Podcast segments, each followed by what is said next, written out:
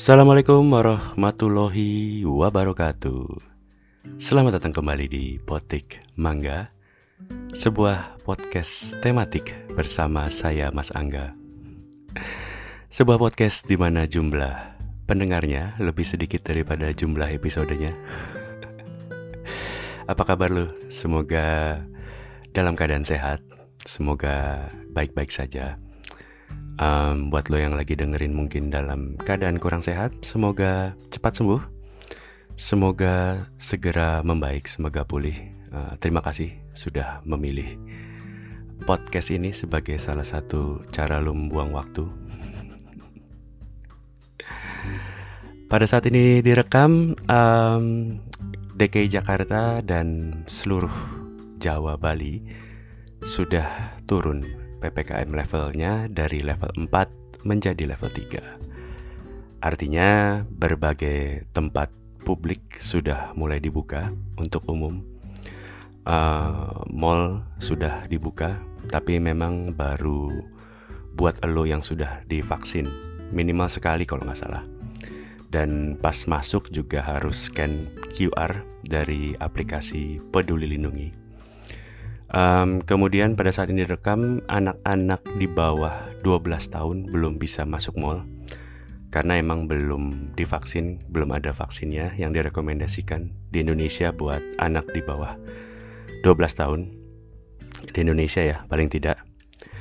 Um, yang menggembirakan sih bioskop sudah mulai dibuka, konon di tanggal 14 September udah mulai buka harus scan QR juga konon buat yang bisa masuk ke dalam bioskop sudah harus vaksin dua kali.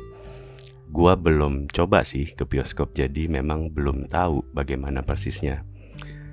Um, beberapa tempat hiburan juga sudah mulai diuji cobakan kayak Ancol, um, Taman Mini kalau nggak salah juga sudah dibuka. Uh, tempat ibadah juga sudah mulai dibuka, boleh jumatan lagi, uh, boleh beribadah gereja minggu lagi. Kalau tempat hiburan lain kayak yang buat anak-anak, kayaknya masih belum boleh dibuka karena juga anak-anaknya belum boleh masuk mall. Mungkin kayak Time Zone atau di Gancit tuh namanya Amazon itu juga belum dibuka. Terus kayaknya selain tempat hiburan anak-anak, tempat hiburan dewasa juga belum boleh dibuka kayaknya. katanya ya. Um, cuman tapi ada hal yang tadinya dibuka sekarang katanya harus ditutup sama pemerintah provinsi DKI Jakarta. Dan bukan gue tidak lagi ngomongin Holy Wings. Gue ngomongin penutupan etalasi rokok oleh pemerintah provinsi DKI Jakarta di gerai minimarket kayak model Alfamart, Indomart, uh, mungkin harusnya Circle K, Lawson, Family Mart dan sejenisnya lah. Uh, mungkin ya maaf lah kalau ada mart-mart lain yang nggak kesebut gitu. Penutupan etalase ini dilakukan oleh Satpol PP di Jakarta karena ini mengikuti seruan Gubernur DKI Jakarta nomor 8 tahun 2021 yang ditandatanganin oleh tentunya Bapak Anies Baswedan. Um, konon sih seruan ini sudah keluar dari tahun 2021 bulan Juni. Tapi katanya tim Satpol PP mereka baru dapat arahan sekarang nih di bulan September. Kurang lebihnya gitu sih. Uh, ini adalah sebuah hal baru ya di Jakarta dan di Indonesia. Dan kayaknya sepertinya banyak para pihak yang belum siap atau kaget gitu. Hah? kaget komedi televisi. um, kayaknya banyak yang mikir, terutama para customer ya, para perokok. Uh, tapi baik yang jual maupun yang beli juga kayaknya masih pada belum siap gitu. Uh, ini memberikan anggapan bahwa pemerintah melarang penjualan rokok. Konon begitu, katanya. Pemikirannya seperti itu. Padahal sih dari pemerintah tidak ada larangan penjualan rokok. Yang dilarang hanya displaynya saja. Kalau jualan sih ya bebas aja gitu. Ya seperti kita tahu memang penjualan rokok sepertinya setiap hari semakin dipersulit atau diperketat ruang geraknya gitu. Rokok boleh dijual tapi memang nggak boleh iklan. Di Jakarta sendiri kalau lo yang belum tahu iklan rokok resmi nggak boleh ada di billboard atau di tempat umum. Kalau di luar Jakarta sih kayaknya masih boleh ya. Ini emang karena kebijakan daerah, kebijakan provinsi, bukan kebijakan nasional gitu. Jadi kayak iklan rokok yang dimaksud tuh iklan rokok beneran gitu. Maksudnya kayak misalnya kalau lo mungkin lihat kayak nggak usah jauh-jauh ke luar Jakartanya nggak usah terlalu jauh gitu ya. Bekasi, Tangerang gitu itu masih boleh banget gitu. Kayak iklan rokok yang misalnya katakanlah ada rokok baru yang keluar misalnya New Sampurna Mild harga 15.000 isi 16 nah kurang lebih iklan-iklan kayak gitu tuh. Iklan rokok yang kalau lo perhatiin sebenarnya apa sih intinya? Lo suka bingung gak sih nonton iklan rokok? Maksudnya apa gitu? Karena emang iklan rokok ini satu-satunya iklan sebuah produk yang nggak boleh ngasih lihat kalau pemerannya megang produk apalagi menggunakan produknya. Paham gak lo? Jadi di semua iklan rokok nggak boleh ada orang ngerokok alias menggunakan produknya atau bahkan dia juga nggak boleh megang bungkusnya alias memegang produknya. Jadi nggak boleh ada orang ngerokok, nggak boleh ada orang megang bungkusnya di semua iklan baik di iklan cetak maupun iklan video. Um, kalau lu sempet lihat kapan tuh ya, mungkin udah agak lama kali ya. Kemarin di sosmed kayaknya sempet beredar iklan rokok jadul gitu. Kalau nggak salah gudang garam apa jarum super gitu ya. Iklannya tuh masih boleh ngerokok, mungkin di tahun 80-an atau mungkin 90-an kali ya. Iklannya tuh kayak iklan minuman gitu, iklan produk minuman atau iklan produk makanan aja gitu. Ada orang dateng lagi ngerokok, ada temennya bagi rokok diisep gitu ya rokoknya dibakar diisep terus kayaknya enak banget gitu pas lagi ngisep rokoknya. Kurang lebih iklannya kayak gitu gitu. Jadi kalau lo nggak ada gambaran bayangin aja kayak iklan Pokari Sweat gitu misalnya atau iklan Nutrisari gitu. Lagi panas-panas haus dahaga gitu ya minum ini dijamin dahaga kamu hilang. Nah kurang lebih kayak gitulah iklan rokok zaman dulu gitu. Sekarang sih udah nggak boleh ya kalau nggak salah Bahkan di TV-TV nasional pun iklan rokok itu ada jam tayangnya alias baru boleh tayang di atas jam 10 kalau nggak salah. Dan di seluruh iklan rokok harus ada peringatannya. Makanya kalau tadi gue tanya sama lu, iklan rokok itu kadang suka bikin bingung gitu. Intinya apa sih? Ya walaupun memang hampir sebagian besar iklan rokok iklannya memang beberapa keren banget sih. Budgetnya gede banget menurut gue. Kalau lo dulu inget mungkin di tahun 90-an buat teman-teman yang umurnya ya seumuran segitu. Dulu ada iklan bentul I love the blue of Indonesia. Itu kayaknya beberapa tahun berturut-turut menang iklan penghargaan terbaik kalau nggak salah kayak gitu. Ya makanya kalau sekarang iklannya jadi kayak gini ya nggak tahu juga sih gue. Yang juga sebuah hal yang tidak bisa dipungkiri adalah Indonesia ini memang sebuah negara yang ngetop sebagai surganya rokok. Kenapa gue bisa bilang surganya rokok? Karena memang pertama kita memang produsen tembakau. Tembakau adalah bahan dasarnya rokok. Barangkali lo nggak tahu ya. Jadi makanya Indonesia sepertinya dikenal oleh negara luar sebagai negara yang cukup ramah sama industri rokok. Ini maksud gue dibandingkan mungkin dengan kebijakan negara lain ya di luar negeri gitu. Karena memang pendapatan Indonesia, nah, APBN Indonesia dari cukai rokok itu masih luar biasa besar. Gue lupa sih berapa persen, tapi lumayan signifikan lah. Um, buat lo yang gak paham, sebagai mantan mahasiswa ekonomi, Mari saya mari saya jelaskan sedikit mengenai cukai. Apa itu bea, apa itu cukai? Kan lu mungkin ingat ya, ada ada bea cukai, ada bea cukai gitu ya. Apa sih bedanya? Apa apakah apa itu bea, apa itu cukai, apa gitu bedanya? Bea itu kalau nggak salah adalah pungutan pajak pemerintah atas barang yang impor atau barang yang mau diekspor. Sementara cukai itu adalah pungutan pemerintah terhadap barang-barang yang memiliki karakter atau sifat yang sudah ditetapkan dalam undang-undang. Itu kalau nggak salah ya. Jadi memang gue udah 20 tahun yang lalu sejak diterima masuk menjadi mahasiswa ekonomi. Jadi kalau salah ya maafin. Monggo dicek sendiri di Google. Aduh, intinya cukai itu adalah pajak atas barang tertentu, kayak rokok, alkohol gitu. Dia memiliki sifat barang-barang yang konsumsinya harus dikendalikan atau memiliki dampak negatif bagi masyarakat. Dan kalau nggak salah, dari 100% penerima negara dari cukai, sorry, sorry, salah, salah. 100% penerima negara itu 10 persennya kurang lebih itu dari cukai. Jadi misalnya penerimaan pemerintah itu kan ada yang dari PPN, ada yang dari pajak pendapatan, ada yang dari apa-apalah banyak gitu ya. Dari dari 100% penerima negara itu 10 persennya dari cukai. Dan kalau nggak salah lagi dari 10% cukai itu itu rokok itu menyumbang sekitar 80 90% dari total penerimaan cukai negara. Itu kalau nggak salah ya. Jadi buat yang penasaran sama datanya bisa dicek di Google soal angka-angka ini karena memang uh, ini kalau nggak salah mungkin ini data tahun berapa atau bagaimana gitu ya. Jadi kalau nggak salah waktu itu gue pernah baca total penerimaan cukai dari tembakau di tahun 2020 itu kata Ibu Menteri Keuangan Ibu Sri Mulyani itu 146 triliun. Pernahkah Anda melihat uang 146 triliun?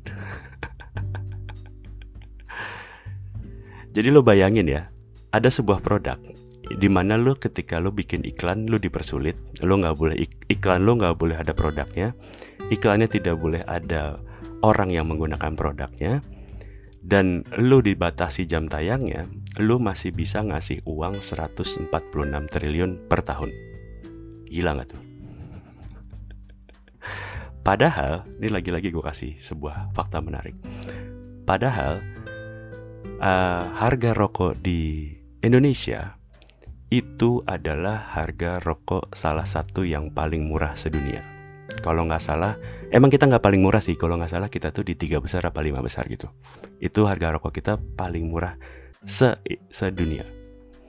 Jadi kalau lo pikir misalnya ya kayak uh, apa namanya uh, harga Marlboro gitu ya kayaknya gue ambil contoh harga Marlboro aja ya karena mungkin Marlboro kurang lebihnya adalah di seluruh dunia gitu ya uh, kalau gue pakai harga Wismilak atau kelas mild kayaknya nggak dijual di Los Angeles gitu atau nggak dijual di Frankfurt gitu kayaknya. Jadi gue ambil contoh misalnya harga Marlboro gitu ya. Harga Marlboro itu menurut gue sekarang harga yang cukup mahal di antara para rokok para harga rokok di Indonesia.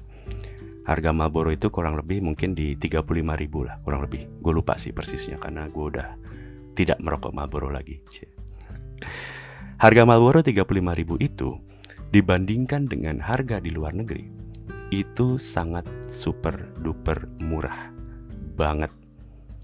Kalau pakai dolar Singapura kurang lebih tiga setengah dolar Singapura. Kalau pakai dolar Amerika itu di dua setengahan dolar lah kurang lebih. Makanya itu sangat-sangat murah. Uh, gue sangat bersyukur pernah ke beberapa negara di luar negeri sebelum pandemi menyerang. Gak banyak sih memang negara yang pernah gue datangin. Jadi tapi gue pernah kasih, uh, eh, gue kasih tahu sama lu ya, kalau misalnya lu belum pernah keluar negeri atau belum pernah membeli rokok di luar negeri, hal yang paling lo kangenin dari Indonesia memang selain nasi padang tentunya adalah harga rokok yang murahnya kebangetan gitu. Jadi kalau lo suatu hari jalan-jalan ke Bali, terus lo ngelihat bule Australia atau bule mana gitu, bule Amerika ngerokok terus di Bali, ya biarin aja lah. Di kampungnya rokok mahal gitu. ya gue nggak tahu juga sih sekarang berapa harga rokok di luar negeri. Jadi mungkin kalau yang pernah atau mungkin terakhir udah apa baru-baru keluar negeri bisa dikasih update-nya gitu. Gua terakhir kali ke Singapura itu 2015 kalau nggak salah. Iya 2015. Itu harga Marlboro merah itu 12 dolar. Sekitar 120 ribu rupiah. Mungkin sekarang udah 14 dolar atau 15 dolar kali ya. Mungkin sekitar 150 ribu. Nah dibandingkan dengan harga Indonesia yang tadi gue bilang 35.000 itu bedanya bisa empat kali lipat gitu. Um, yang terakhir gue ke Malaysia itu 2019 2019 akhir kalau nggak salah Desember. Itu kalau nggak salah harga Marlboro itu sekitar 18 ringgit atau 60 ribu. Masih sekitar dua kali lipat dari harga di Indonesia gitu. Dan di Sydney Australia Sydney Australia kalau lu yang belum tahu adalah harga rokok termahal di dunia. Sedunia harga paling mahal rokok itu di Australia di mana harga Marlboro merah itu waktu gua ke sana terakhir 2016 gua tinggal di sana itu 2016 terakhir itu 23 dolar. Mungkin sekarang udah 25 dolaran kali ya. Dan kalau dirupiahin itu 250 ribuan. 7 kali lipat kurang lebih dari harga rokok di Indonesia. Nyaris harga satu slop Jadi setahun di sana gue kayaknya cuman sekali gue beli Marlboro merah. Iseng doang tuh gue lagi banyak duit kayaknya. Sisanya ya gue cari rokok-rokok merek murah, merek kayak Bond, ya kayak James Bond, mereknya Bond, B O N D. Terus ada Winfield. Terus kalau lo tahu merek Palmal, dulu di Indonesia juga ada tuh Palmal, sekarang udah nggak ada kayaknya. Rasanya kayak apa? Kalau lo tanya ya rasanya kayak Marlboro tapi nggak enak gitulah kurang lebih. Sama tentunya kalau lu tanya dulu gue beli rokok apa? Ya Ini dulu ya waktu gue di sana nggak tahu kalau sekarang. Kayaknya sih udah nggak ada ya. Dulu sih gue bisa beli beberapa brand rokok Indonesia Kayak Gudang Garam, Sampurna Mild gitu Di toko-toko pinggiran. Jadi bukan kayak di supermarketnya gitu. Ya harganya 10 dolaran lah. Lebih mahal pastinya dibandingkan di Indonesia Tapi ya dibandingkan rokok resmi yang harganya 20 dolaran ya harganya setengahnya gitu. Itu ya dulu ya jadi kayak ada rokok di toko-toko pinggiran. Kayaknya sih sekarang udah nggak ada ya. Nah, soalnya covid. Jadi nggak ada yang terbang ke sana. Gimana mau sundupin rokok? Uh, kembali ke topik awal uh, penutupan rokok di etalase minimarket oleh pemerintah provinsi DKI Jakarta. Dulu di Sydney Australia juga jualan rokok di semua tempat itu ditutup. Jadi memang uh, apa namanya tidak bi tidak bisa memperlihatkan bentuk rokoknya. Jadi ditutup di lemari, nggak tembus pandang. Di sana uh, jadi kalau bedanya kemarin sih gue lihat di foto-foto yang ditutup sama pemprov itu masih pakai kain hitam atau kain putih gitu. Sementara kalau di sana sudah permanen, kayak di lemari aja. Kayak lemari baju lu kan nggak tembus pandang tuh. Jadi bukan kayak lemari teh botol atau lemari minuman yang ada di minimarket sekarang tapi benar-benar kayak di lemari gitu. Jadi apa namanya uh, lemarinya solid ditutup di depannya ada daftar merek harga gitu. Misalnya kayak kayak lo ke rumah makan lah lo lihat menu di dinding restorannya. Nah kurang lebih kayak gitu tuh. Jadi ya lo cuma bisa tahu ada rokok dia jualan rokok apa aja isinya berapa harganya berapa. Kurang lebih kayak gitu. Dan di sana juga yang menurut gua keren adalah packaging rokoknya karena semua rokok di sana mau merek apa pun, semua bungkusnya warna hitam. Dengan gambar peringatan nyaris full lah, mungkin 70% dari packaging. Jadi gini, kalau di sini kan di Indonesia, semua rokok itu sesuai desain sama brandnya masing-masing. Misalnya katakanlah uh, Marlboro ada yang warnanya merah, misalnya ada yang warnanya biru, kemudian Sampurna Mild ada yang warnanya putih, atau kalau misalnya rokok-rokok yang mentol warnanya hijau gitu. Nah semua itu di sana nggak berdasarkan merek nggak berdasarkan brand semua warna disamain. Jadi semua warnanya hitam. Nah kayaknya para desainer brand rokok di Australia agak gabut ya. Nggak ada kerjaan ya kayaknya. Jadi semua hitam font semua sama nggak pakai font dari brand rokoknya gitu. Jadi kalau lo beli sang yang jual juga sama-sama ngeliat gitu nih rokok bener nggak nih ya? Mereknya ini gitu. Sama nggak kurang lebih. Karena kalau nggak lo bisa ketuker gitu. Kurang lebihnya kayak gitu sih Ya gue nggak tahu sih kalau negara-negara lain di dunia apakah juga ada yang nutup etalasenya gitu. Karena seinget gue di Singapura atau di Australia, eh sorry di Singapura ataupun di Kuala Lumpur Malaysia itu sama kayak di Indonesia nggak ditutupin gitu. Makanya gue tahu misalnya kayak rokok ini gimana ada rokok apa aja gitu. Sementara kalau di Australia ditutup sama kayak yang di sekarang gitu. Dan menurut gue kalau gue ditanya gitu ya, apakah nutup etalase itu bikin orang nggak beli rokok ya jawabannya sih ya antara iya atau tidak gitu ya tidak ngaruh kalau buat orang-orang yang memang perokok gitu. Nggak akan ngurangin orang yang beli, karena orang-orang yang sudah kecanduan rokok sih akan terus beli rokok ya. Nggak ngaruh gitu, mau ditutup atau enggak gitu. Nggak peduli bungkusnya, nggak peduli jualannya gimana selama rasanya sama gitu. Gue rasa mereka baru peduli kalau misalnya harganya naik signifikan gitu. Ya kalau lo bikin harganya rokok sekarang 100 ribu juga gue yakin banyak orang yang akan pindah merek sih bukan berhenti ngerokok pindah merek Sementara gue yakin di satu sisi mungkin akan ngurangin orang-orang yang baru pertama kali mau ngerokok atau orang-orang yang mau coba-coba rokok gitu. Karena ketika nggak kelihatan bentukannya orang nggak akan notice gitu. Kenapa kita selalu keingetan sama rokok? Karena jualannya di belakang kasir, di tempat terakhir kita mau bayar gitu. Lo bisa keliling seluruh minimarket, tapi at the end ketika lo mau bayar, lu akan berhadapan sama rokok kurang lebihnya kayak gitu. Makanya itu sebuah apa ya sebuah taktik lah menurut gua sih gitu. Ya sebenarnya uh, kenapa kita bisa lihat rokoknya kenapa kita uh, kenapa ditaruh di belakang kasir? Karena memang uh, salah satunya adalah secara keamanan rokok itu kan kecil jadi mungkin gampang dikantongin atau mau dicolong orang gitu kurang lebihnya.